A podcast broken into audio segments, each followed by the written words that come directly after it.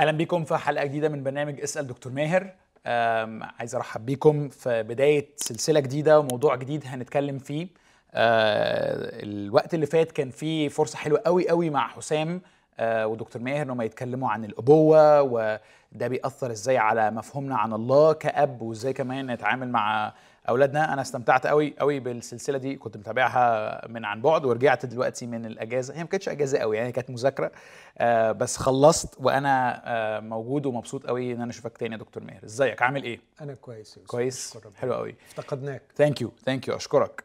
إحنا آه المرة دي يعني هن يعني هنذهب في اتجاه مختلف تماما عن العشر أسابيع اللي فاتت وإحنا كنا بنتكلم عن موضوع عملي. النهارده نتكلم شوية عن موضوع فكري آه فلسفي مهم وبيمسنا وبيمس آه حياتنا كلنا يعني بطريقة أو بأخرى. واللي عايز أقول اللي الهموا لينا واللي فجروا يعني آه يعني في عقولنا هي بعض التصريحات وال- آه والمداخلات اللي الرئيس عبد الفتاح السيسي هو اللي يعني بدأها. آه، وبصراحة أنا انبهرت من آه، نوع الكلمات ال- اللي هو قالها. أكيد حضرتك تابعت لما كان آه، بيتكلم في أكتر من موقع على آه، آم، الفكر أهمية امتحان المعتقدات.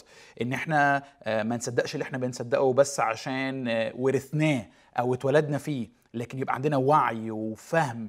وإن إحنا ما نخافش إن إحنا نفكر. بصراحة يعني أول مرة أشوف حد في منصب بيفكر بالطريقة دي مهتم بعقل الانسان وفكره بالطريقة دي. ف يعني لما اتفرجت على الحاجات دي حسيت إحنا لازم نتكلم في الموضوع ده.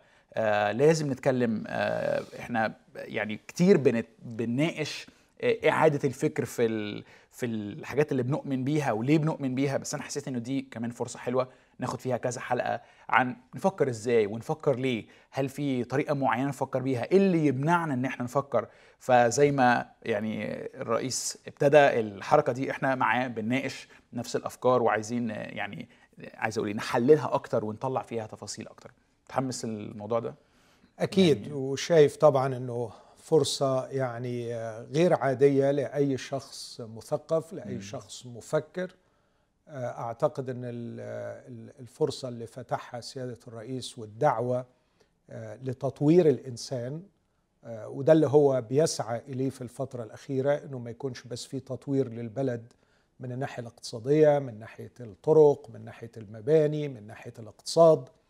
وبشكر ربنا لأجل كل هذا التطوير. مصر آه، واضح جدا إنها اقتصاديا بتقفز آه، في توقعات لمؤشرات إيجابية جدا من جهة الاقتصاد حاجة مذهلة آه، عمرنا ما سمعنا بيها ولا شفناها إنها في الفترة الجاية احتمال تكون من أسرع ثلاث دول في العالم في النمو الاقتصادي. فكل ده شيء رائع وبنجني يعني حصاد السنوات اللي- مضت. لكن كمان آه، كان واضح جدا لدى الإرادة السياسية والقيادة السياسية أنه التقدم الحقيقي ليس هو التقدم الاقتصادي والمعماري فقط لكن لابد من الشغل على الإنسان وتطور الإنسان ودي حاجة كان كتير بينادوا بيها المثقفين والمفكرين. وأنا أعتقد أنه إذا حلمنا أن يتطور الإنسان فالمفتاح هو الفكر والدخول إلى عقل الإنسان هو بداية مرحلة تطوير الإنسان. آه، فالراجل بينادي بتطوير الإنسان بأنه بيقول يلا طوروا الفكر آه، اسألوا أسئلة ناقشوا حاوروا.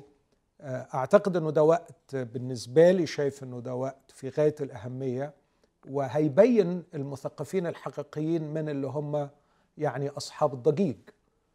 هل فعلا هنستجيب لهذه الدعوة بشكل جدي؟ هل هنفكر فعلا؟ وهل هنراجع ما نعتقد فيه؟ وإذا فكرنا وراجعنا هل سنفعل هذا لتطوير الإنسان بغاية ورغبة صادقة مخلصة إن الإنسان المصري يتطور؟ ولا هنعمل كده علشان كل واحد يستفيد من هذه الدعوة ويروج للفكر الذي يؤمن به هنا هيبان بقى وأنا أعتقد إنه الأكثرية للأسف أتوقع هذا إنه هتتخذ من فرصة طرح الأفكار والمناقشة إنه مجرد نصنع ضجيج آه، لكن هيبان المثقف الحقيقي إنه سيفكر ويراجع ما يعتقد فيه والغاية النهائية هي تطوير الإنسان وليس مجرد جذب أكبر عدد من المريدين لأنفسنا يعني. يعني دكتور مما لا شك فيه إنه التصريحات آه، اللي قالها سيادة الرئيس آه، مشجعة جدا بالذات لحد من جيلي إحنا متعودين على السؤال في كل شيء الشك في كل شيء. ساعات حتى ال- الشك في كل شيء آه، يعتبر فضيلة. مش بالضرورة تبقى أحسن حاجة ودي حاجة يمكن نناقشها مع الوقت.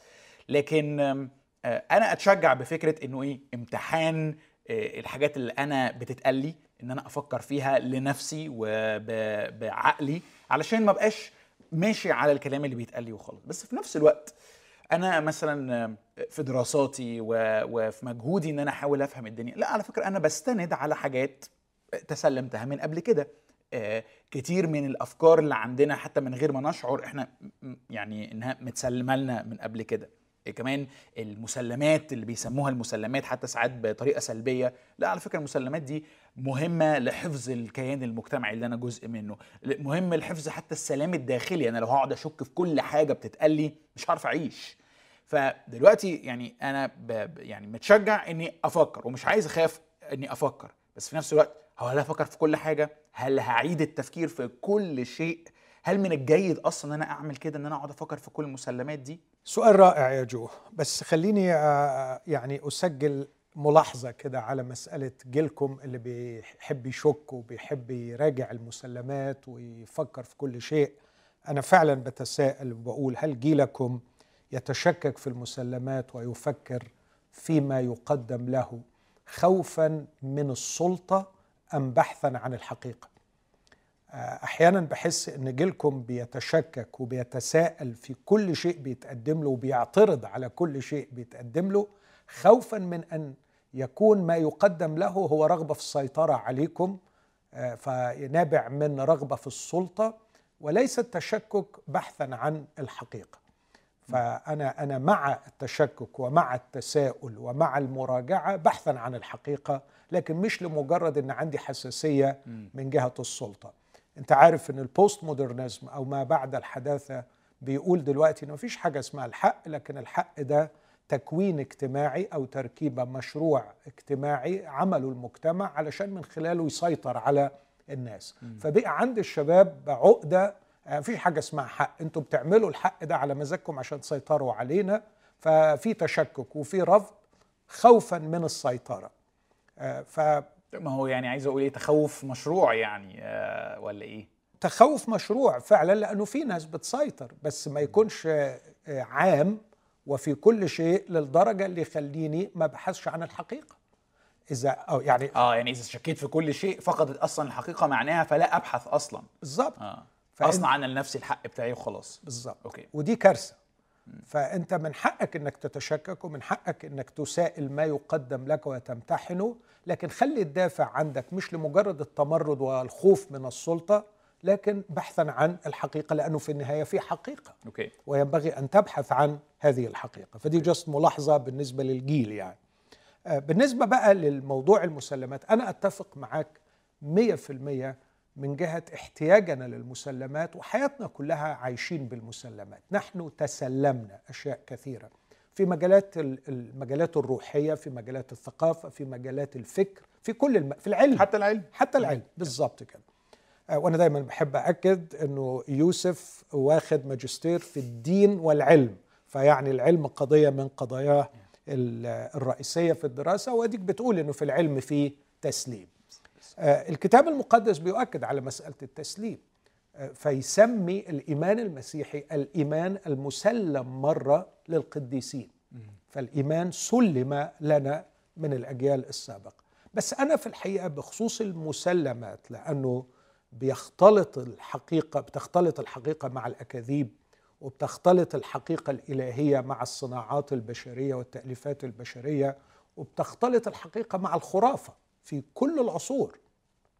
فمحتاج أسأل سؤالين فيما اتسلمه بتساءل عن الزمن وبتساءل عن المصدر لأنه البعض بيعتبر إنه حقبة زمنية معينة هي حقبة مقدسة. فأنت تستلم كل ما أنتجته هذه الحقبة الزمنية. تاخد اللي طلع في الفترة الزمنية دي آه، واللي قبلها واللي بعدها أنت مالكش دعوة بيه. فبشوف ناس بينتموا لطوائف معينة ينتموا لفكر معين. عندهم فترات في التاريخ البشري هي دي الفترة المقدسة اللي ياخدوا منها. وده خطر جدا لأنهم بيتجاهلوا إنه الفكر اللي كان ناتج في هذه الحقبة كان نتيجة صراعات معينة ونتيجة خلينا أقول اتزان. هي نقطة اتزان عدد كبير من الصراعات والقوى الفكرية والسياسية والأخلاقية اللي تمخضت عن منتج فكري معين. وربما هذا المنتج الفكري سبب ازدهار تلك الفترة الزمنية وسبب يعني عايز أقول رواج معين سياسي أو فكري أو ثقافي. آه، لكن هذه اللحظة من الاتزان وما تمخضت عنه كانت نتاج قوة هي بنت عصرها. هذه اللحظة مرت وليس بالضرورة ابدا أن المنتج الفكري الذي حدث في هذه الحقبة الزمنية يصلح لزماننا. ده اللي بيوقع الناس فيما يسمى الدجمه السلفية إنه السلفي يرجع إلى حقبة معينة وبياخد منها متجاهلا آه، ان أن الولادة ولادة الفكر في تلك الحقبة كانت بعد مخاض طويل وصراعات مختلفة ليست موجودة اليوم، اليوم عندنا صراعاتنا المختلفة وعندنا أفكارنا المختلفة. لكن كمان البعض مش بيرجع لفترة زمنية محددة لكن بيرجع إلى فكر محدد من زمان. دون أن يتساءل هل هذا الفكر أصيل حق أم أنه تفسير خاص للحق؟ هل هو حق أم معتقد؟ الحق عابر للثقافات وعابر للأزمان. لكن المعتقد يتغير. وأنا كتبت مرة وقلت إن مساواة المعتقد بالحق جريمة في حق كليهما جريمة في حق الحق لأنه يقزم الحق يصغر الحق ويحبسه في إطار المعتقد. وجريمة في حق المعتقد لأنه بيمنع المعتقد من النمو والتطور. خلينا أقولها لك بلغة أسهل. أوه. الفارق بين الحق والمعتقد الحق مطلق لكن المعتقد هو فهمي أنا لهذا الحق. كيف أرى هذا الحق؟ كيف أقرأ هذا الحق؟ كيف أعتقد من جهة هذا الحق؟ فأنا عندي معتقد. إذا سويت الحق المطلق بمعتقدي اللي هو نسبي لأنه نتاج عقلي أنا أنا ظلمت الاثنين. ظلمت الحق لأني قزمته صغرته خليته على قد معتقدي. وظلمت معتقدي لاني ما اديتهوش فرصة إنه يكبر لأن اعتبرته حق واعتبرته حق مطلق. فبالتالي ظلمته لأني حبسته ومش هديله فرصة إنه يتطور ويتغير ويعني ينمو في وعي بالحق. بس هو مش حد ممكن دلوقتي يقول يقول لك ما أنا هعتقد في حاجة ليه إلا لو اعتبرتها إنها حق. رائع. انت لازم تعتبرها حق ولازم تسأل وتتأكد انها حق لكن يبقى في النهاية أن اعتقادك فيها هو معتقد. مم. وعلشان كده إحنا لازم نرجع نسأل أنفسنا فيما نعتقد. هل ما أعتقده متطابق فعلا مع الحق؟ وده ليه طرق okay. عشان أوصل okay. لكده هنجيلها. لكن على الأقل بي يعني عايز أقول بجاوب على سؤالك هو إحنا لازم نسأل؟ آه نسأل. لأنه إحنا ما نعتقده عن الحق ليس هو الحق. هو اعتقادنا عن الحق. قد يكون بنسبة 99% متطابق مع الحق قد يكون بنسبة 100% متطابق مع الحق قد يكون بنسبة 1% متطابق مع الحق. فأنا محتاج أراجع نفسي لكن تاني بقول مساواة المعتقد بالحق خطأ وجريمة في حق كليهما. الحق مطلق لكن اعتقادي عنه نسبي. الحق لا يتطور لكن معتقدي المفروض إنه يتطور. آه. الانطباع اللي عندي من اللي حضرتك بتقوله يعني آه، أنا لسه لسه ما أعرفش يعني هو إحنا ليه لازم نعمل كده قوي يعني.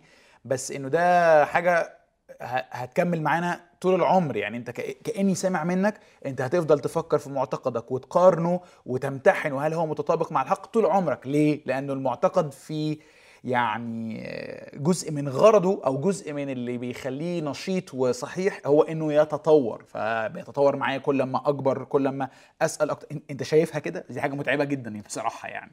أه، متعبة لو غرضك في الحياة إنك تكون مستريح. لكن لو غرضك في الحياة إنك تكون إنسان بكل معنى كلمة إنسان وترتقي في إنسانيتك لأعلى الدرجات فالمسيح قال كلمة رائعة. قال إن ثبتتم في كلامي فبالحقيقة تكونون تلاميذي. اسمع العبارة اللي جاية من فضلك بعديها اللي جامعات كتيرة خدتها وعملتها ال motto بتاعها يعني. إن ثبتتم في كلامي بالحقيقة تكونون ثبتتم. تلاميذي. آه آه. ث... لا ثبتتم يعني سكنتم أوكي. في كلامي. آه فثبتتم ملهاش علاقة بتحجير الرأي يعني. اطلاقا. okay. لكن ال- ال- السكنة في الكلام الاجترار الدائم عليه ال assimilation تمثل والتفكر في هذا الكلام. ساعتها تبقى تستحق لقب تلميذ ليسوع المسيح. وبعدين يقول إيه؟ إن ثبتتم في كلامي بالحقيقة تكونون تلاميذي وتعرفون الحق والحق يحرركم. وكلمة تعرفون هنا عملية مستمرة طول العمر. الفعل اليوناني إن دي عملية مش مش تعرفوا الحق وخلصنا. وتعرفون الحق وتعرفون الحق. والحق يحرركم. وعندما أتحرر هنا أتحرر لكي تنطلق إنسانيتي لأعلى درجاتها فأنا لا يمكن أن أكون إنسانا بما تستحق هذه الكلمة من من معاني راقية ونبيلة. وأنا مكبل بخطاياي وأنا مكبل بأكاذيب وأنا مكبل بكراهية وأنا مكبل بأشياء خاطئة. فالحق يحرر ليطلق الإنسانية. فلو أنا عايز حياة مستريحة يعني عايز الكسل عايز الراحة. الكتاب قال على فكرة راحة الجهال تبيدهم. فأنت ممكن تبقى مرتاح لأنك جاهل. يعني فأنا مش عايز أتعب نفسي مش عايز أفكر مش عايز أسائل بس تؤدي في النهاية إلى الهلاك. لكن آه، إذا كنت أنا شايف إن الحياة فرصة رائعة لتطوير إنسانيتي أعتقد إني لابد أن أناقش وأراجع وأسائل ما تسلمته وأسائل معتقداتي رغبة في أن تكون معتقداتي متطابقة مع الحق وليست متصادمة معه. okay أنا لسه عندي أسئلة في الحتة دي بس I think إننا هنرجع لها كمان شوية لأني شايف بصراحة آه، يعني أنت قلت لي مش مهم تبقى مستريح بس أنا شايف تعب ومخاطر لل- للسؤال المتكرر. بس خليني أسألك في الأول يعني أسمع الق- القضية كده على بعضها. إيه الفايدة إني أعمل كده؟ يعني أنت دلوقتي بتقول لي راجع طور امتحن لكي آه، يعني آه، آه، تعاير المعتقد بتاعك قدام الحق بصفة مستمرة. تمام؟ إيه الفايدة إني أعمل كده؟ في فوائد كتير قوي. يعني أنا بس لو خدت العكس وقلت لك على فكرة يوسف أنت عايش بمعتقدات كلها أكاذيب هتنام مستريح؟ لا يعني هبقى متضايق بس عايش. يعني فاهمني؟ يعني أوكي. يعني عايز أقول إنك على فكرة أنت ممكن تاخد مخدر يعيشك أجمل لحظاتك وتبقى مرتاح ومبسوط جدا ومش همك أي حاجة. بس أنت عارف إنك هتستيقظ على كابوس بعد شوية. المخدر ممكن يخدرك لبضعه ساعات. آه، ممكن مخدر أقوى فكري وثقافي يخدرك لمدة سنوات. وممكن مخدر يخدرك العمر كله. لكن في كل الأحوال هو مخدر غيبك عن الحقيقة. المفروض إنه إنسانيتك آه، في داخلك آه، تأبى وتشمئز من إنك تكون بتتعاطى مخدر سواء chemicals أو فكري يغيبك عن الحقيقة. مش هتقبل. حتى لو كان في راحة. أنا موافق معاك بس بس في نفس الوقت آه، فكرة إن أنا أقول لكل شخص بقى أنت دلوقتي مسؤول إن أنت آه، تبحث لو كان عندك مخدر فكري عقلي متحكم فيك ومعيشك بعيد عن الواقع ناس كتيرة هت- هترد عليك وتقول يعني مش شغلتي يعني مش شغلتي إني كده أشوف الناس المتخصصين هم اللي يبحثوا هم بيقولوا لنا. يعني يعني أنا مثلا وأنا بفكر في الموضوع ده دلوقتي إحنا مقدم لنا دعوة يعني حتى على يعني على مستوى المجتمع كله إنه ما تخافش تفكر امتحن راجع. طب ما لحظة واحدة طب ما هو ما ده دور دور المتخصصين. يعني أنا بعتمد على المتخصصين في الهندسة وفي الطب وفي ال science. إشمعنى في دي؟ okay؟ اللي هي بقى فيما يختص بقى بالدين ومصير الأبدي وهكذا محتاج أفكر. أو أعتمد على فكري أنا يعني يعني قصدي. يعني ده طرح يوسف مرفوض تماما. يعني أنت بتبنيه على فكرة إن أنا بلجأ للمتخصصين. إديني مثل واحد أنت فيه تلجأ للمتخصصين ولا تتحمل مسؤولية لجوءك للمتخصصين. أنت المسؤول الأول والأخير وأنت اللي بتقرر إنك تلجأ للمتخصصين. لكن في النهاية المتخصصون يساعدونك لكن لا يتخذون بالنيابة عنك القرار. وأي شخص متخصص ياخد بالنيابة عنك القرار هو بيؤذيك ومن الممكن إنه يجرم في هذا. يعني أنا حتى ك counselor أحيانا لما أشير على شخص ممنوع بالقانون اللي بيحكمنا في ال counseling إن أنا آخد القرار بالنيابة عن الشخص. مم. لو أنت م- آه، لا قدر الله مريض وبتروح لدكتور وبيقول لك إن أنت محتاج آه، أنت عندك المرض الفلاني ومحتاج تعمل العملية الفلانية. نادرا ما بتقول له أوكي يلا اتكل على الله. بتروح تاخد رأي واثنين وثلاثه ففي النهاية ال- القرار في عبك أنت. أنت اللي مسؤول في النهاية. لو عايز تبني حتة أرض بتروح لمهندس واثنين وثلاثه لو ظهرت لك مشكلة في أي مجال قانوني بتاخد رأي واثنين وثلاثة. فأنت بتلجأ للمتخصصين لكن بتلجأ في الم- للمتخصصين ليساعدونك في صنع قرارك الشخصي لأنه في النهاية ما حدش من المتخصصين هيتحمل عنك عبء هذا القرار ولا مسؤولية هذا القرار. ولما يكون بخصوص الدين والفكر في النهاية إحنا كلنا مؤمنين إن كل واحد فينا سيعطي حسابا عن نفسه. فأنا سأقف أمام الله ومش جايب معايا قرطه متخصصين أقول له هم اللي قالوا لي. ولا هم اللي أشاروا علي سأحاسب أنا كمسؤول شخصي أمام الله. أنا أشكر ربنا لأجل المتخصصين وسألجأ للمتخصصين وأنا طول عمري ما عايش ما بعملش حاجة غير إني بقرأ اللي كتبوه المتخصصين. لكن في النهاية أنا اللي سأحاسب على اعتقادي حسابا فرديا وشخصيا. أوكي. طيب. موافق معاك ومتاكد إن هنرجع تاني للموضوع ده. آه، سؤالي هو هل في شيء آه، أنا أجنيه آم، إذا آه، أنا قعدت أسائل في المسلمات؟ يعني okay أنت دلوقتي كلمتني تقريبا عن التكلفة تكلفة عدم السؤال okay؟ طيب ما هي فائدة السؤال؟ لا وقلت إيه هي فائدة السؤال؟ ال- طبعا الأمر بيعتمد على المسلمات من جهة إيه؟ لو إحنا بنقول المسلمات من جهة تقدم الدولة غير لما نقول المسلمات من جهة الدين غير لما نقول مسلمات من جهة الطب. كل حاجة هتكون النتيجة بتاعتها بتعتمد على المجال اللي إحنا بنفكر فيه. فلو إحنا مثلا قصرنا التفكير على سي مثلا تقدم الدولة إذا لم نعود الناس على التفكير في المسلمات هيكون عندك شعب غير قادر على التطوير شعب غير قادر على الدخول في علاقات سوية. شعب آسف أني أقول هيبقى زي القطيع اللي محتاج واحد يسوقه. لكن وده اللي يبين لك روعة الدعوة لما تيجي من الإرادة السياسية إن إن بتقول للشعب فكر فكر وفكر في المسلمات واسترد لنفسك حريتك في أن تناقش وأن تفكر. فالفارق بين الشعوب المتقدمة والشعوب المتخلفة هو الفارق الذي يصنعه السؤال. إذا سألنا وراجعنا وناقشنا المسلمات سنتطور ونتقدم. ده لو بتكلم على مستوى تطور الشعوب. لو بتكلم على مستوى الحياة الروحية أعتقد إنه شيء مخيف جدا أني أعلق مصيري الأبدي. وأعلق يعني أثمن وأسمى وأرقى ما أشتهيه. معرفة الله الحقيقية. إني أعتمد فيها على مسلمات. قد تقودني إلى ما أسميه دائما علاقة بالمقدسات دون علاقة بالقدوس. أن تقودني إلى علاقة بنظم فكرية ودينية دون أن أصل إلى مبتغاي واحتياجي الحقيقي. النهائي اللي هيشبعني وجوديا ونفسيا وهيدي معنى لحياتي وهيدي غرض لوجودي وهيطور إنسانيتي من خلال علاقة مع الله. فحواليا ممكن كتير قوي يضللوني ويأخذوني بعيدا عن الحقيقة ومش هينقذني من ده إلا طرح الأسئلة على المسلمات. كأنه في مخاطر معينة أنت شايفها في اعتناق المسلمات بدون امتحان أوكي؟ والمخاطر دي هتختلف بناء على إيه المجال؟ إيه المجال المسلمات دي.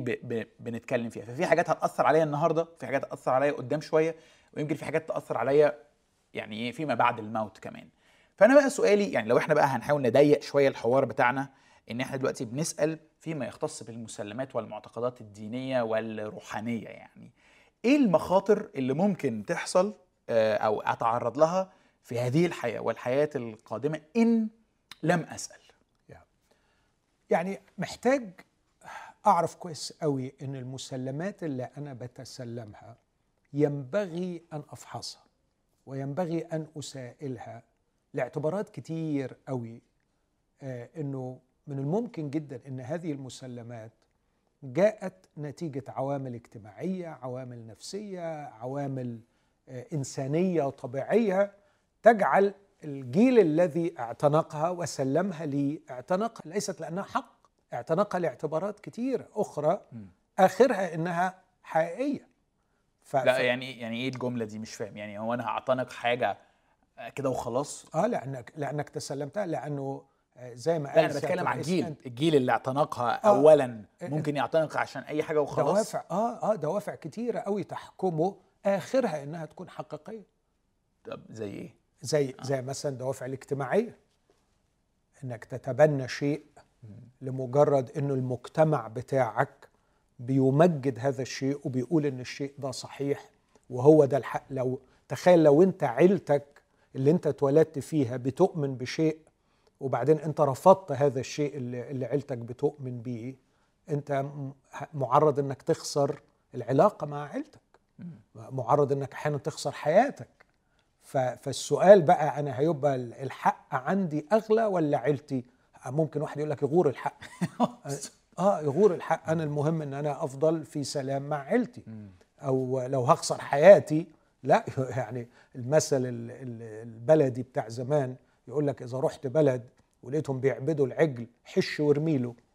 يعني حش برسيم وارميله يعني خلاص ممشي معاهم. يعني ما تختلفش لئلا تعرض نفسك للأذى.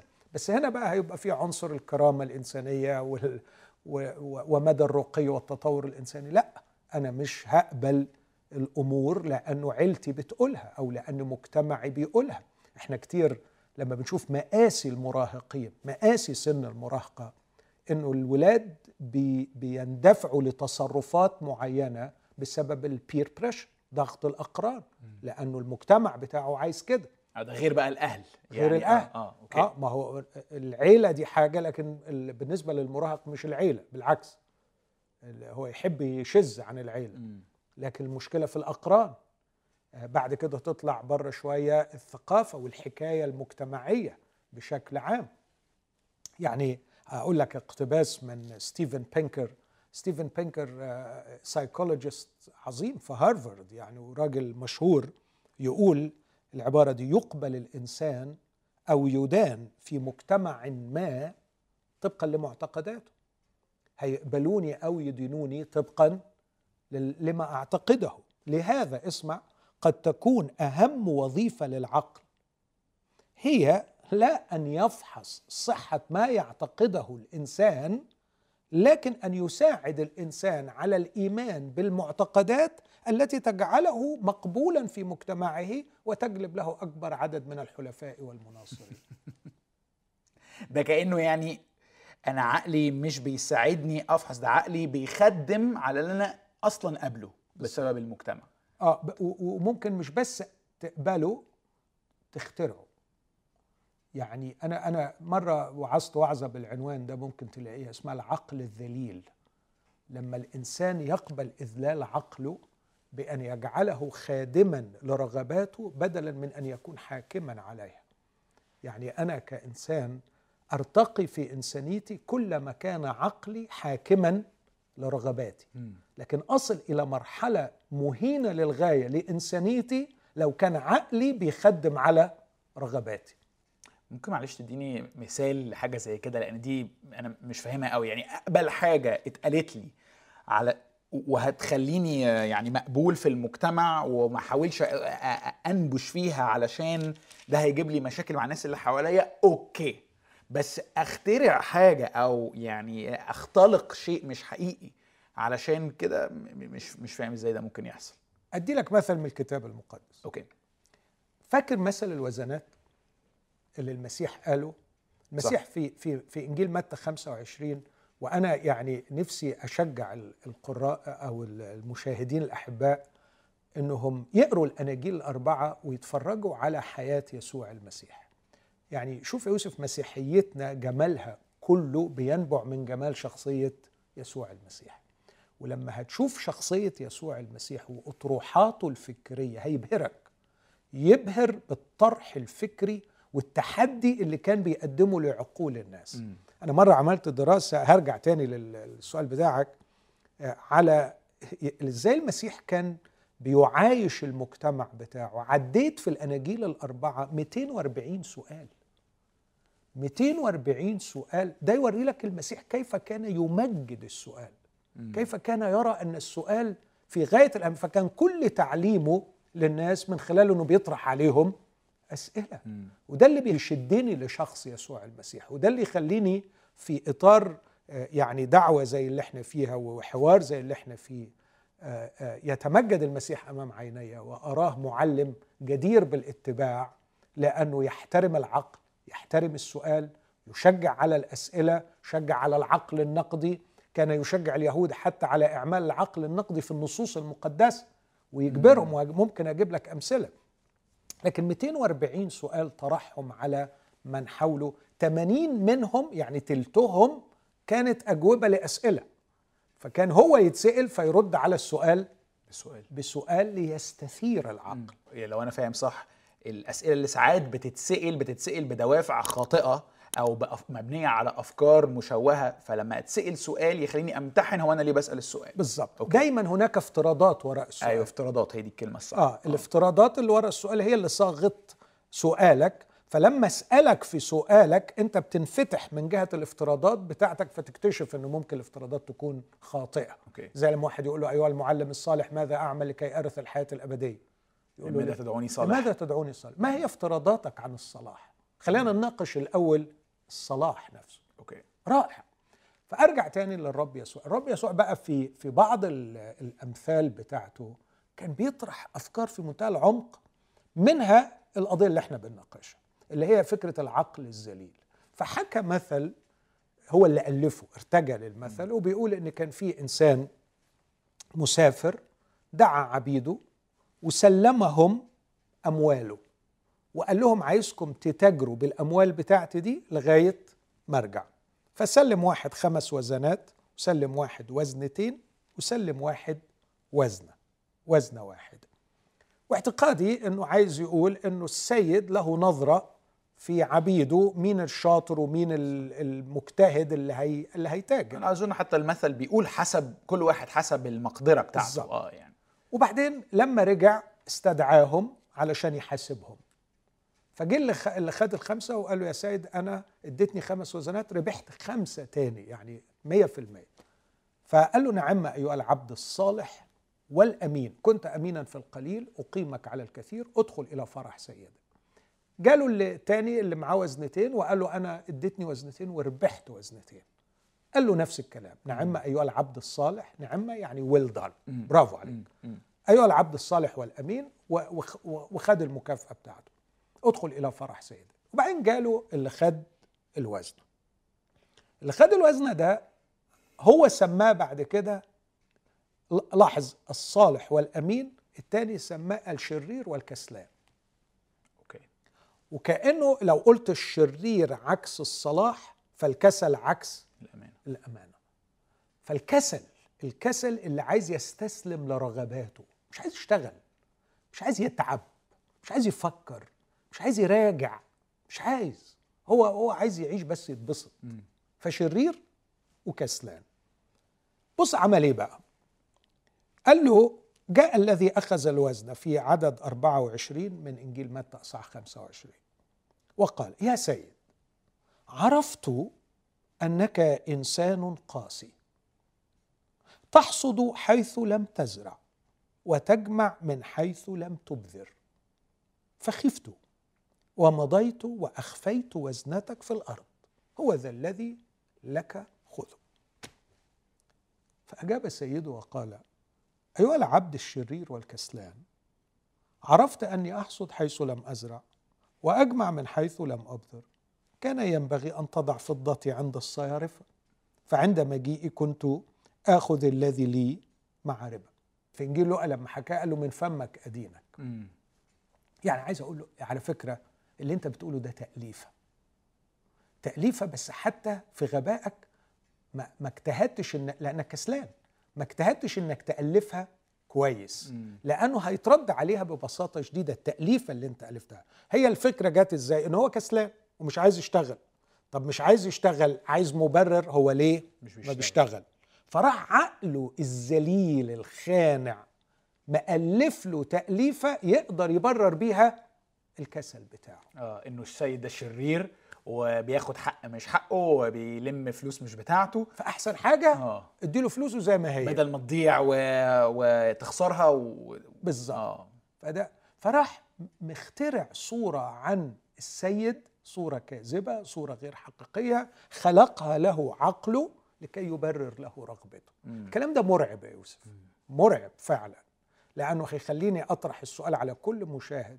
هل من الممكن أن يكون عقلك اختار لك معتقدات أو اخترع لك معتقدات بس علشان يعني يمشي لك رغباتك ويخليك تمشي بهواك وتمشي باللي أنت نفسك فيه واللي أنت عايزه؟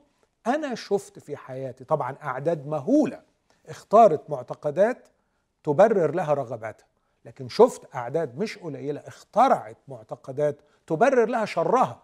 وافتراها وجرمها ونجاستها وبيعيشوا في الخطأ واخترع لهم عقلهم مبررات فراح المسيح قال له على فكرة حتى الاختراع بتاعك اختراع يعني هزيل لا يصمد أمام السؤال. طب هو أنت سؤالي بقى؟ هو أنت لما عرفت إن أنا قاسي واحصد من حيث لم أزرع. طب ليه ما حطيتش الفضة دي عند الصيارفة؟ فكنت لما أجي أخدها مع ربا وتبقى مأمن نفسك برضه آه يعني على الأقل تحطها في البنك تاخد فايدة. أوكي يعني لو أنت خايف تشتغل أو مش عايز تشتغل كنت عملت كده. بس أنت حتى ما أنت ما امتحنتش الفكرة الخاطئة اللي أنت اخترعتها وتطلع منها حتى بال ال كويس الconclusion المنطقي بتاعها اللي, يعني. اللي يخليها مقبوله أيوه. يعني أنت أنت ما امتحنتش الفكرة دي. لأنك لو امتحنت الفكرة دي وسألت نفسك في الفكرة دي كنت هتلاقي حل أفضل يحفظ لك ماء وجهك قدامي لما أجي أحاسبك. فده اللي بسميه يعني إجرام الإنسان في حق عقله بأن يذل عقله ويجعله خداما لرغباته بدلا من أن يطلق العقل ويعطيه حقه في أن يناقشني ويراجعني. وابقى إنسان أمين. هنا بقى الأمانة.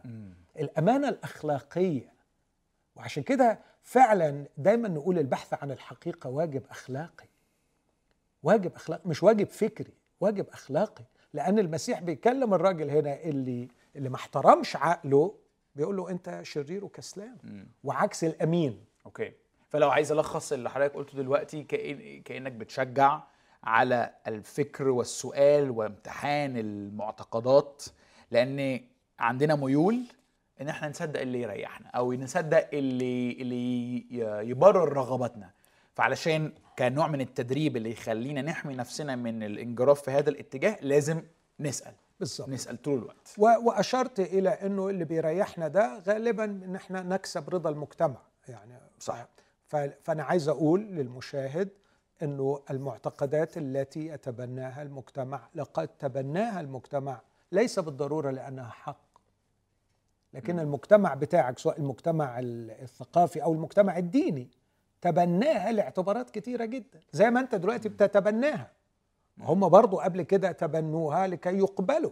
طبقا لستيفن بينكر إنك بتقبل لأنه الإنسان يقبل في المجتمع أو يدان طبقا لمعتقداته. محدش يحب يعيش مدان في مجتمع ما. فاحذر احذر من إنك مجرد تكون بتقبل معتقدات لمجرد إن المجتمع هيقبلك لما أنت تقبلها. أنا يعني موافق ومقتنع بالكلام ده بس يعني ما عايز أقول مش بس تمن كبير أنت كأنك دلوقتي بتطلب يعني ممكن فجأة تلاقي الناس بت بترفض وبتنفصل عن المجتمعات لأنه بتسائل على الحاجات دي المجتمعات دي الحاجات اللي المجتمعات دي بتقبلها.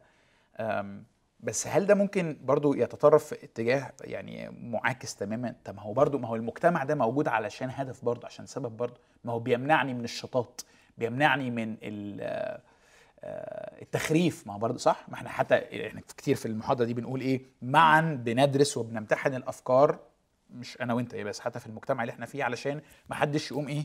ضارب لوحده. فده دلوقتي بتقول إيه؟ لا اسأل ومش مهم لو المجتمع رفضك أو أو يعني نبذك. آه مش بقول أرفض بقول اسأل. أنا لا أدعو إلى رفض معتقدات المجتمع آه، اطلاقا. okay okay دي تمييز تمييز حلو. لا اطلاقا اطلاقا. أنا أدعو للمساءلة. عار علي أن أقبل المعتقد دون أن أسأل. أسأل لما- لماذا أؤمن بما أؤمن به؟ ده سؤال أخلاقي. مش سؤال فكري. هو أنا ليه مآمن باللي أنا مآمن بيه؟ خليني أقول لك سبب تاني Please. يمكن يوضح Please. أكتر. Please. لما في حوارات أفلاطون اللي سجل فيها حوارات سقراط مع تلاميذه الحوارات بتاعت أفلاطون كلها تسجيل حوارات سقراط مع تلاميذه. كان في حوار منهم عن الفرق بين المعرفة والمعتقد. فبيسالوا بيقولوا هو إيه الفرق بين المعرفة والمعتقد؟ ففي النهاية الخلاصة يعني بتاعة الحوار كله أن المعرفة هي معتقد توجد مبررات على صحته. المعرفة هي المعتقد زائد مبررات لصحة المعتقد. بالظبط أوكي. بالظبط كده. آه. بحيث إنه لو المعتقد ده لا توجد مبررات على صحته ما لديك ليس معرفة هو جهل. وده جهل أخطر من إنك يعني الجهل ليس هو أنك تجهل. الجهل شيء خطير. الجهل هو أن لديك معرفة خاطئة لديك معلومات خاطئة. هذا هو الجهل ال- المخيف. يعني لو تقول معرفش في أمل إنك تتعلم لكن المأساة إن يكون عندك ما أنت تظنه معرفة وتعتقد إنه معرفة رغم إنه لم توجد مبررات تبرر صحة ما تعتقد فيه. الحتة دي أنا مش فاهمها قوي بس هقول لك أنا فاهم إيه وقول لي. المعرفة هي معتقد صحيح بس المعتقد ده مبني على أساس فكري أو عملية فكرية طويلة فيها أنا اديت أو لقيت تبرير. أسب... آه أسباب. أدلة. أسباب أدلة بالظبط بتقول إن المعتقد ده أنا مش ما وصلتلوش كده بالصدفة وخلاص لأن ممكن واحد يوصل للمعتقد الصحيح بالصدفة زي مثلا يعني أنا فاكر كانت دي أزمة عندي دايما أنا ما بحبش الرياضيات ما بحبش الحساب يعني بس في المدرسة لما كنا نعمل الإثباتات بتاعت الجيومتري البروفس كان ممكن أوصل الإجابة الصح بس انقص لأنه في غلطة في البروف أو ال- الخطوات بتاع بما إن إذا في واحدة فيهم غلط فهي كده بتقول لي المدرسة كانت تقول لي أنت وصلت للإجابة الصح بس بالصدفة مش مش ب مش بإثبات صحيح بالظبط. فالعملية بتاعت الوصول للمعتقد الصحيح ليها أهمية في ذاتها بجانب المعتقد الصحيح نفسه صح الكلام اللي أنا بقوله ده يعني روعة ال- ال- الخلاصة دي أنا عايز أكد عليها وعايز أقول لك عبارة أنا دايما بقولها هتخلينا نقول إن ال- العملية أهم من الوصول. يعني العملية عندي أهم من النتيجة. لو أنت عندك ناس بتتبنى معتقدات صحيحة دون أن تكون فحصتها وعرفت أدلتها وأوجدتها الناس دول مش بيفيدوا مش مفيدين لأنه إنسانياتهم لم تتطور. هم أمسكوا بمعتقد صحيح لكن المعتقد الصحيح خارج عنهم وليس نابع من أعماقهم ليس نابع من الداخل ما شربهوش. آه، فآه هو بيقول معتقد صحيح لكن عارف سفر الأمثال يتكلم عن المثل الحكيم إنه في في في فم الجاهل آه، زي واحد رجليه مدلدله يعني زي واحد مشلول وعنده رجلين بس الرجلين بتوعه ما تشيلوش. ما تشيلوش وما لهمش لازمة. فهكذا المثل في فم الجاهل. منظره وحش.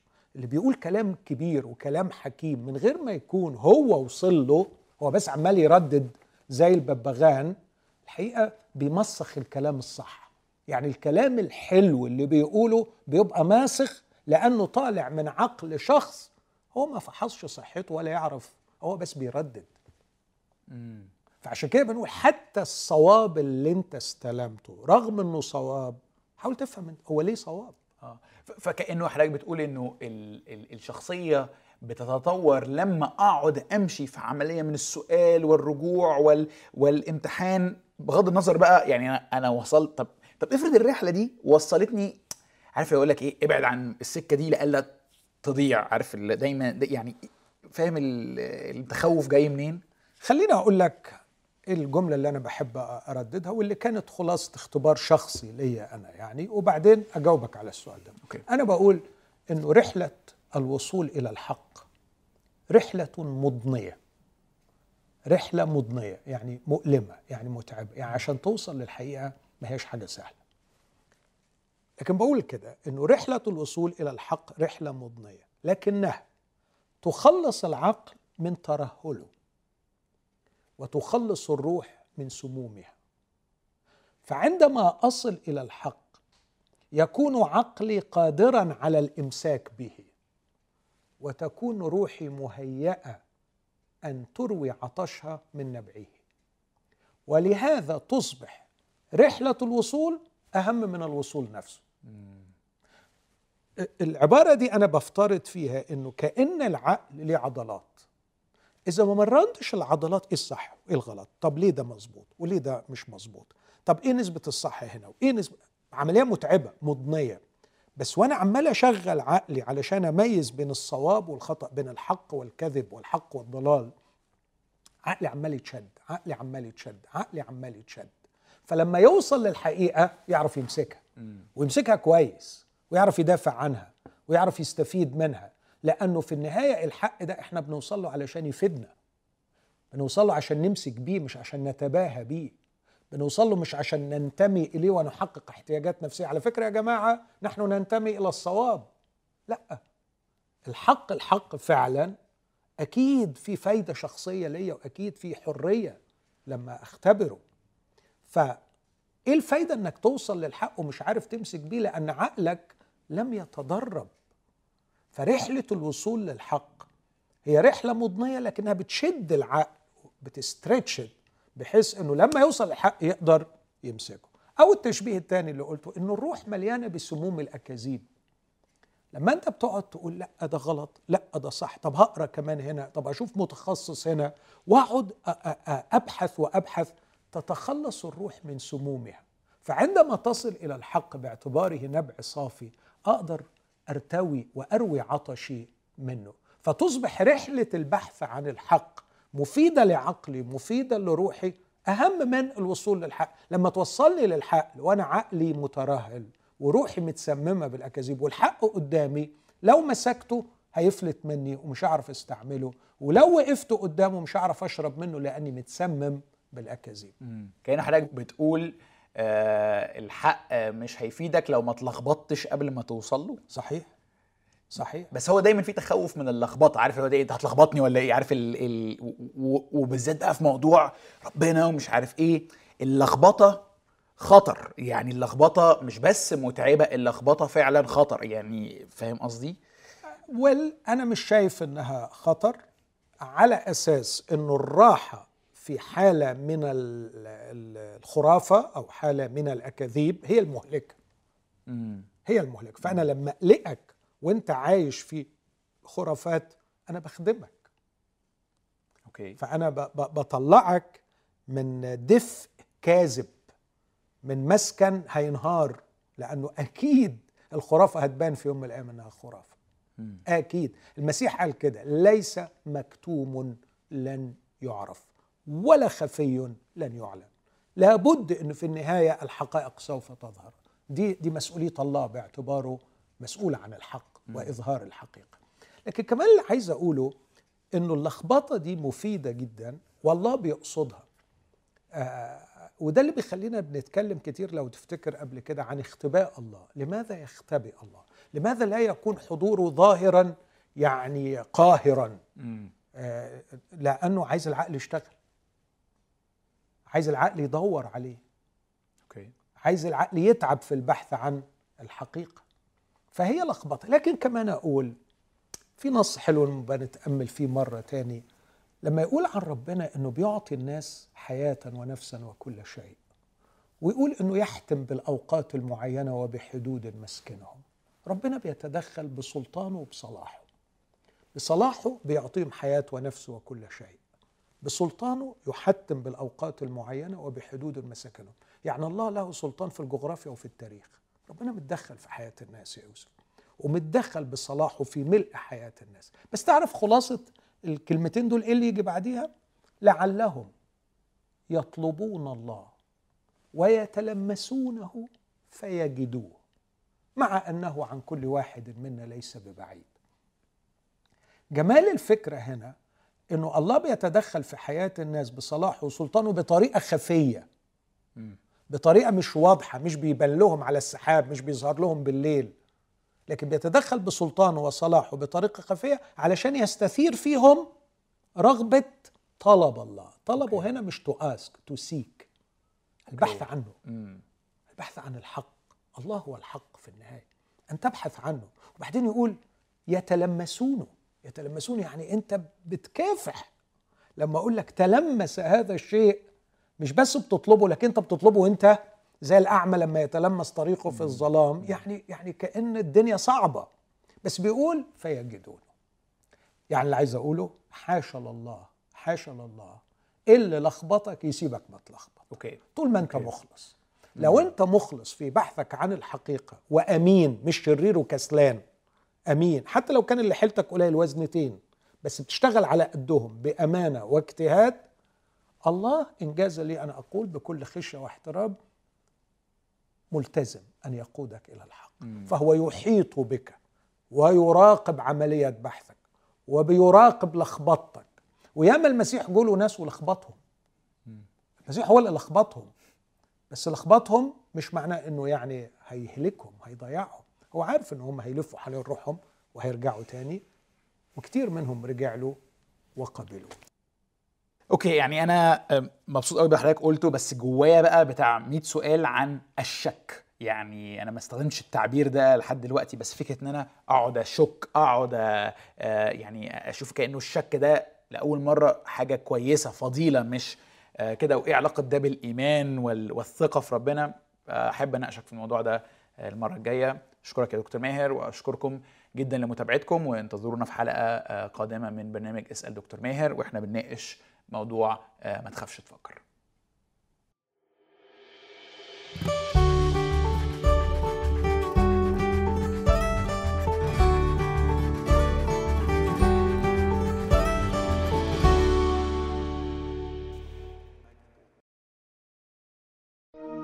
لمشاهدة المزيد من الحلقات زوروا سات 7 بلاس.